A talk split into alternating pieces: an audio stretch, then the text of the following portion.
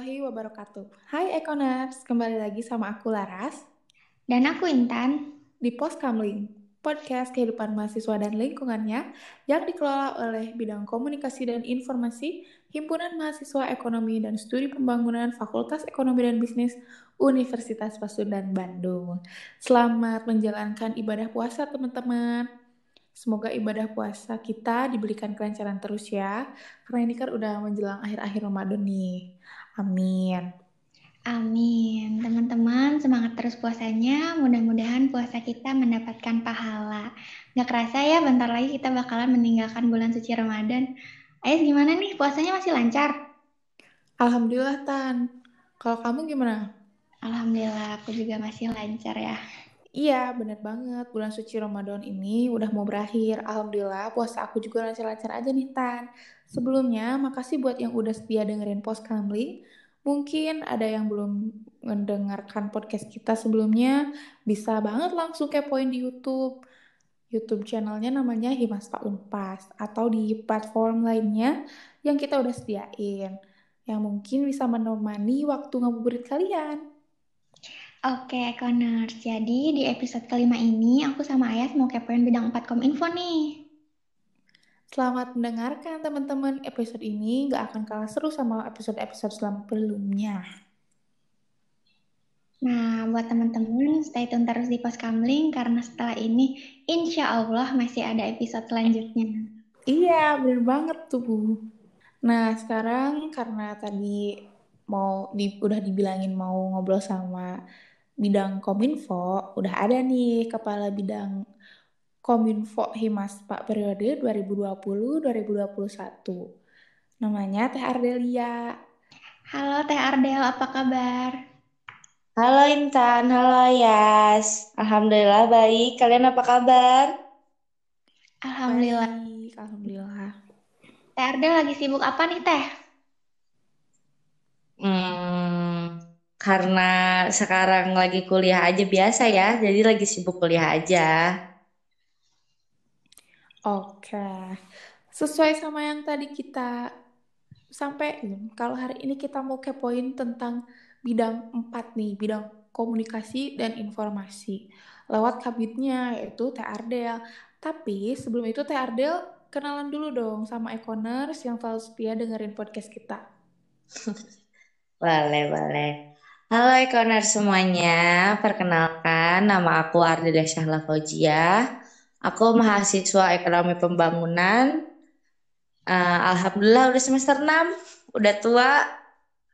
Dan kemarin aku sempat diamanatin buat jadi kepala bidang 4, bidang komunikasi dan informasi. Alhamdulillah juga udah selesai satu periode, satu periodenya. Oke, alhamdulillah ya Teh. Langsung aja deh kita tanya-tanya nih. Jadi bidang Kominfo itu apa sih Teh? Kegiatannya ada apa aja gitu di bidang 4 ini? Uh, di bidang 4 itu kan yang kita tahu tadi Kominfo ya. Kominfo itu singkatan dari komunikasi dan informasi. Nah, uh, si Kominfo ini tuh kalau di Himasba sendiri, dia tuh bertugas untuk menjalankan informasi-informasi dengan lembaga lain. Maksudnya lembaga lain di sini tuh uh, tentunya kan di FEB nggak uh, nggak cuma unpas kan prodinya dia ada prodi akuntansi ada prodi manajemen. Nah mereka semua kan pasti punya lembaga masing-masing punya himpunan masing-masing. Terus juga di tingkat fakultas kita punya lembaga tentunya kayak LKM BPM eh, lem kayak gitu-gitu. Nah di situ kita menjadi jembatan lah untuk Himaspa menjalin komunikasi dengan mereka. Selain itu juga kita uh, harus menjalin informasi-informasi atau hubungan baik dengan pihak kampus lain atau pihak eksternal. Nah, kemarin udah ada contoh lah untuk studi banding dan lain sebagainya. Mungkin nanti dijelasin buat ke depannya. Terus selain itu juga uh, tentunya kita pasti harus membantu eh, bidang-bidang uh, lain yang ada di Himaspa kan. Mungkin sebelumnya udah ada bidang akademik, bidang PAO, bidang min minat bakat. Itu tentunya tidak terlepas dari peran Kominfo, entah itu mungkin uh, menjadi perbantuan untuk editing atau perbantuan untuk menjadi dokumentasi atau apa pun untuk nge-share tentang proker dan kegiatan mereka di sosial media, mading, memberikan informasi untuk kampus-kampus lain itu perannya di Kominfo sendiri. Selain itu juga uh, dia tuh Kominfo ini juga menjadi jembatan sih untuk uh, pihak Himaspa atau pihak uh, internal Himaspa untuk ke kampus. Kayak misalkan mungkin di bidang satu ada advokasi kayak gitu-gitu kan tentunya informasi dan lain sebagainya harus ada lewat kominfo dulu kayak gitu-gitu sih paling teh. Jadi apa ya kominfo tuh sebenarnya mungkin kelihatannya gampang kelihatannya mudah cuma banyaklah peran peran peran penting untuk kominfo tuh banyak itu Oke, itu kan penjelasan dari bidang Kominfo itu sendiri, Pak. Kalau sekarang bisa dijelasin teh kegiatannya ada apa aja di bidang 4 ini? Uh, di bidang 4 ini selama satu periode kemarin kita udah Alhamdulillah udah berhasil menjalankan satu proker dan beberapa kegiatan. Mau proker dulu apa kegiatan dulu nih yang dijelasin? Kegiatan aja dulu. Teh. Kegiatan dulu boleh. Ya, alhamdulillah kegiatan beberapa kegiatan yang udah dilakukan selama satu periode kemarin di Kominfo tuh udah beberapa disinggung ya tadi sebelumnya. Uh, ini aku mau ngejelasin lagi. Yang pertama tuh mading. Mading itu kan fasilitas yang diberikan kampus. Nah, dari bidang 4 sendiri kita yang mengelola mading. Kita menjadikan mading tuh sebagai informasi yang diberikan salah satu cara informasi yang kita berikan untuk uh, memberikan informasi kepada yang lain gitu kan. Terus selain itu juga tadi ada studi banding. Kita kemarin studi banding dengan Hima EP Unisba. Uh, kenapa kita melakukan studi banding? Sebenarnya kita diajak untuk melakukan studi banding, tapi kenapa kita mengiyakan? Ya, untuk menjadi gambaran kita sendiri untuk menjadi tolak ukur bidang kita sendiri ataupun Himaspa sendiri gimana sih di di organisasi kampus lain sejauh mana mereka sejauh mana mereka menjalankan organisasi mereka gitu itu men bisa menjadi tolak ukur dan karena adanya studi banding ini kan bisa menjadi perubahan juga untuk untuk himaspanya sendiri, terutama bidang empatnya sendiri. Banyaklah ilmu-ilmu yang bisa diambil dari mereka, mereka pun begitu dengan kita. Itu sih fungsinya ada studi banding kemarin. Selain itu juga ada babasa. Babasa tuh bagi-bagi sangu. Itu tuh aksi aksi peduli kita sih kita tuh kemarin ngebagi-bagiin nasi kotak, minum buat buat orang-orang yang tinggalnya di jalan, yang nomaden, yang emang pekerjaannya maaf ya, misalkan dia hanya pemulung kayak gitu-gitu. Itu aksi peduli kita sih karena di sekitaran kampus banyaklah yang kayak gitu yang emang yang nggak punya tingkat eh, nggak uh, punya tempat tinggal pekerjaannya tidak tetap dan lain sebagainya. Nah terus juga ada podcast nih yang lagi kalian dengerin tuh. Ini tuh salah satu kegiatan yang dilakukan oleh bidang 4 kenapa kita melakukan podcast? Ya uh, karena situasi pandemi kayak gini juga terus Terus ya kita memberikan informasi juga agar bentuknya baru lah gitu kan. Kalau misalkan hanya surat, hanya di snapgram dan lain sebagainya mungkin orang-orang kayak ya udah gitu. Udah biasa gitu. Terus kan uh, suka ada beberapa orang nih yang males baca atau gimana. Nah, makanya ya adain podcast ini tuh ya biar ada informasi yang kalian dapat tapi dengan cara yang berbeda.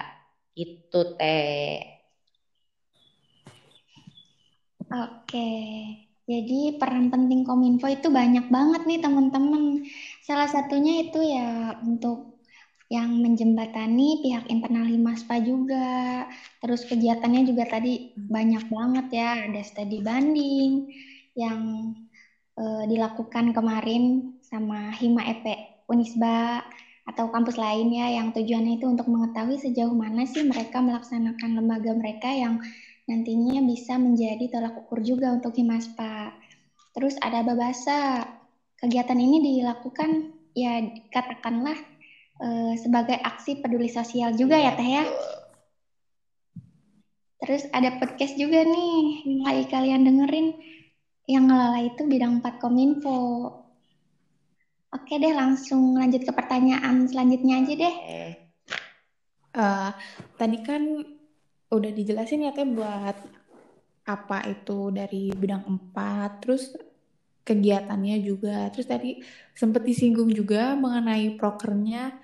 Nah, kalau bidang 4 itu selama satu periode ini punya proker apa aja dan uh, udah terrealisasi berapa proker gitu teh? Proker di bidang 4 kemarin uh, alhamdulillah kita hanya merencanakan satu proker dan alhamdulillah juga itu terrealisasi dan sukses bisa aku bilang.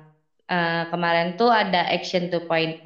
Dia tuh bentuknya seminar, mendatangkan narasumber dan memotivasi untuk partisipan semua. Karena pandemi, jadi si Action kemarin tuh hanya dilakukan secara online.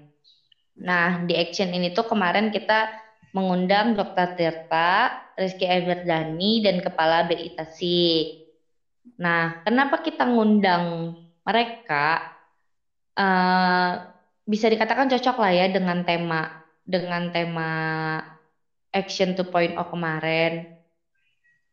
Uh, karena kan bisa dilihat ya kayak Dr. Tirta selain dia influencer, uh, juga dia kan sukses ya di bidang usaha sepatunya. Terus juga Rizky Emirdani, dia tuh salah satu anak muda yang emang sukses juga di beberapa usahanya. Uh, di organisasi juga dia aktif karena dia yang aku tahu dia tuh tidak hanya memiliki satu usaha tapi beberapa usaha. Terus juga ada kepala BI Tasikmalaya, kepala BI Tasikmalaya Bapak Bapak Darjana kalau nggak salah. Itu tuh dia emang ya kita pengen tahu lah gitu usaha-usaha yang emang uh, dijalankan tuh apa sih peran pentingnya untuk BI, apa juga uh, feedback yang bisa kita dapat dengan kebijakan-kebijakan BI yang dikeluarkan gitu kan. Karena kan ya kayak ada pajak lain sebagainya juga kan itu mungkin bisa menjadi pemahaman untuk para usaha dan partisipan kemarin yang memiliki usaha apa sih gitu peran pentingnya BI untuk usaha kalian? Nah, uh, di webinar Action 2.0 ini juga partisipannya sangat luar biasa ya Teh, sangat banyak gitu. Dari webinar yang sebelumnya diselenggarakan Himaspa juga yang diinisiasi oleh bidang akademik kan memang ternyata uh, antusias dari masyarakat luar ini sangat membludak gitu. Makanya tadi Ardel bilang kalau Action 2.0 ini terselenggara dengan sukses. Iya sih Teh Ayah, soalnya yang aku lihat kemarin sebenarnya dari bidang satu akademik udah udah bagus kan, Men, uh, karena aku tahu partisipannya mencapai berapa ratus gitu. Cuman yang aku kaget dan aku bisa bilang sukses di Action 2.0 itu bener-bener melonjak tinggi banget gitu karena dari si pendaftar pun dia mencapai 800 sekian menuju 900 dan pas hari H uh, dia ada Action 2.0 ini tuh partisipan yang gabungnya mencapai 700 lebih. Menurut aku itu wah di luar ekspektasi aku sendiri ya sebagai kepala bidangnya gitu teh. Iya, alhamdulillah banget nih teh. Oke, boleh dong uh, ceritain sedikit pengalaman yang udah Teh Ardel dapet selama menjabat satu periode jadi kepala bidang Kominfo dan juga mungkin ada kesan dan pesan untuk calon kepala bidang dan pengurus Kominfo periode selanjutnya. Hmm. Apa ya pengalamannya? Mungkin ini sih kayak uh, jujur aku tuh sebenarnya dibilang siap pada saat awal periode untuk menjadi kepala bidang itu tidak ya, karena aku tidak mengajukan diri untuk menjadi kepala bidang. Cuma mungkin uh, uh, beberapa orang percayalah untuk aku menjadi kepala bidang. Mungkin kendala di aku, aku su bukan susah ya. Waktu awal-awal tidak tidak pandai untuk mentreat orang, jadi hanya hanya sebatas mendekatkan diri saja kepada staf-staf aku yang emang minat di kominfo gitu kan. Uh, terus pengalamannya lagi apa ya? Ada beberapa masalah lah tentunya yang dihadepin uh, sama bidang kominfo gitu kan. Cuman mau tidak mau aku harus menjadi tameng untuk untuk staf-staf aku kemarin gitu kan. Uh, juga ada ada ini ya apa ya? ada beberapa inilah mungkin kalau misalkan ada informasi yang tidak valid atau apa pun pasti yang kena atau yang kayak ditanya ini pasti yang duluan kominfo. Gimana sih cari informasinya gitu kan? Kayak bisa nggak valid kayak gini atau gimana gitu kan. Tapi itu sih menurut aku bukan masalah besar ya. Dalam artian masalah besar maksudnya mungkin itu hanya keteledoran aku gitu kan. Uh, terus juga kalau misalkan ditanya pesan dan kesan untuk uh, kepala bidang selanjutnya, aku aku menurut aku uh, itu gimana pribadi masing-masingnya. Siapa pun nanti yang mau menjadi kepala bidang kominfo, tentunya dia harus yang pertama ya dia harus bisa mentreat orang-orang staff dia nanti selanjutnya Walaupun itu tidak mudah, tapi itu bisa dilakukan secara bertahap karena yang aku rasain aku pun bisa lah ya ke sini-sini ke oh, hanya awal lah ketakutan awal aku aja tidak bisa mentreat orang yang nanti ada di Kominfo gitu kan. Tapi kenyataannya mungkin bisa lah gitu. Uh, buktinya mereka bisa bertahan sampai akhir periode bahkan sudah selesai periodenya. Buat kabit selanjutnya uh, harus bisa harus bisa juga mentreat orang-orangnya, harus bisa menjadi kepala yang baik, harus bisa jadi posisi yang netral. Ketika ketika mungkin stafnya ada yang bersih tegang atau apa, jangan dilihat karena itu teman kalian atau siapa pun kalian, tapi ya kalian harus berperan sebagai kepala bidang, harus benar-benar netral ke kanan bagaimana, ke kiri bagaimana gitu kan. Terus juga uh, harus siap sih untuk membantu, harus siap untuk menjadi pelarian terakhir ketika bidang-bidang lain benar-benar mentok dan tidak bisa. Men maksud aku di sini kayak seba uh, pengalaman aku kemarin, alhamdulillah bidang-bidang lain bisa untuk melakukan editing dan lain sebagainya sendiri. Hanya mungkin kalau ketika mereka sudah mentok dan lain sebagainya, pasti mereka larinya ke kita. Nah, kita harus siap di di situasi dadakan seperti itu. Terus juga mungkin aku nitip Kominfo tuh harus selalu siap dan harus selalu ada di setiap bidang. Maksud aku gini, ketika bidang tersebut melakukan kegiatan, melakukan program kerja itu tuh harus siap lah harus harus mau ikut masuk dalam artian ikut masuk harus siap membantu ya. Bukan ikut masuk eh, bener-bener bener-bener gimana ya bener-bener ikut campur enggak. Tapi peran kita tuh membantu. Peran kita tuh harus cari tahu nih apa yang jadi kendala mereka. Apalagi kan kalau kemarin situasinya pandemi jadi emang bener-bener ekstra banget lah kita tuh uh, tentang IT seperti kayak gitu-gitunya tuh harus emang bisa gitu. Pokoknya nitip siapa pun kepala bidangnya selanjutnya harus siap, harus siap, harus jadi netral. Tidak tidak mudah jadi kepala bidang, tapi tidak se tidak seseram itu juga jadi kepala bidang tuh gimana gimana kita menjalaninya. Makasih banyak Teh Ardel udah mau cerita pengalamannya, terus juga udah jelasin juga tentang bidang komunikasi dan informasi ini apa. Terus udah mau menyempatkan waktunya buat kita tanya-tanya di podcast kali ini. Semoga Teh Ardel sehat selalu. Semoga puasanya tetap lancar ya Teh. Semangat juga buat Ayas, buat Intan. Ini kan udah minggu terakhir berarti ya kita puasa. Semoga lancar terus sampai nanti kita ketemu sama Idul Fitri. Oke? Okay? Amin. Dan semoga podcast kali ini juga selalu memberikan manfaat dan pencerahan nih buat teman-teman yang mungkin nanti jadi pengurus Himaspa di periode selanjutnya. Ini gak kerasa banget ya teman-teman ternyata uh, pesan dan pengalaman Teh Ardel tadi jadi penutup nih di podcast kita. Sampai ketemu di episode selanjutnya ya. Jangan lupa tetap jaga kesehatan, selalu terapkan protokol kesehatan. Jangan lupa 5M, memakai masker, mencuci tangan dengan sabun dan air mengalir, menjaga jarak, menjauhi kerumunan, mobilisasi dan interaksi. Selamat menjalankan ibadah puasa. Semoga ibadah puasa kita selalu diberikan kelancaran dan diterima oleh Allah Subhanahu wa taala.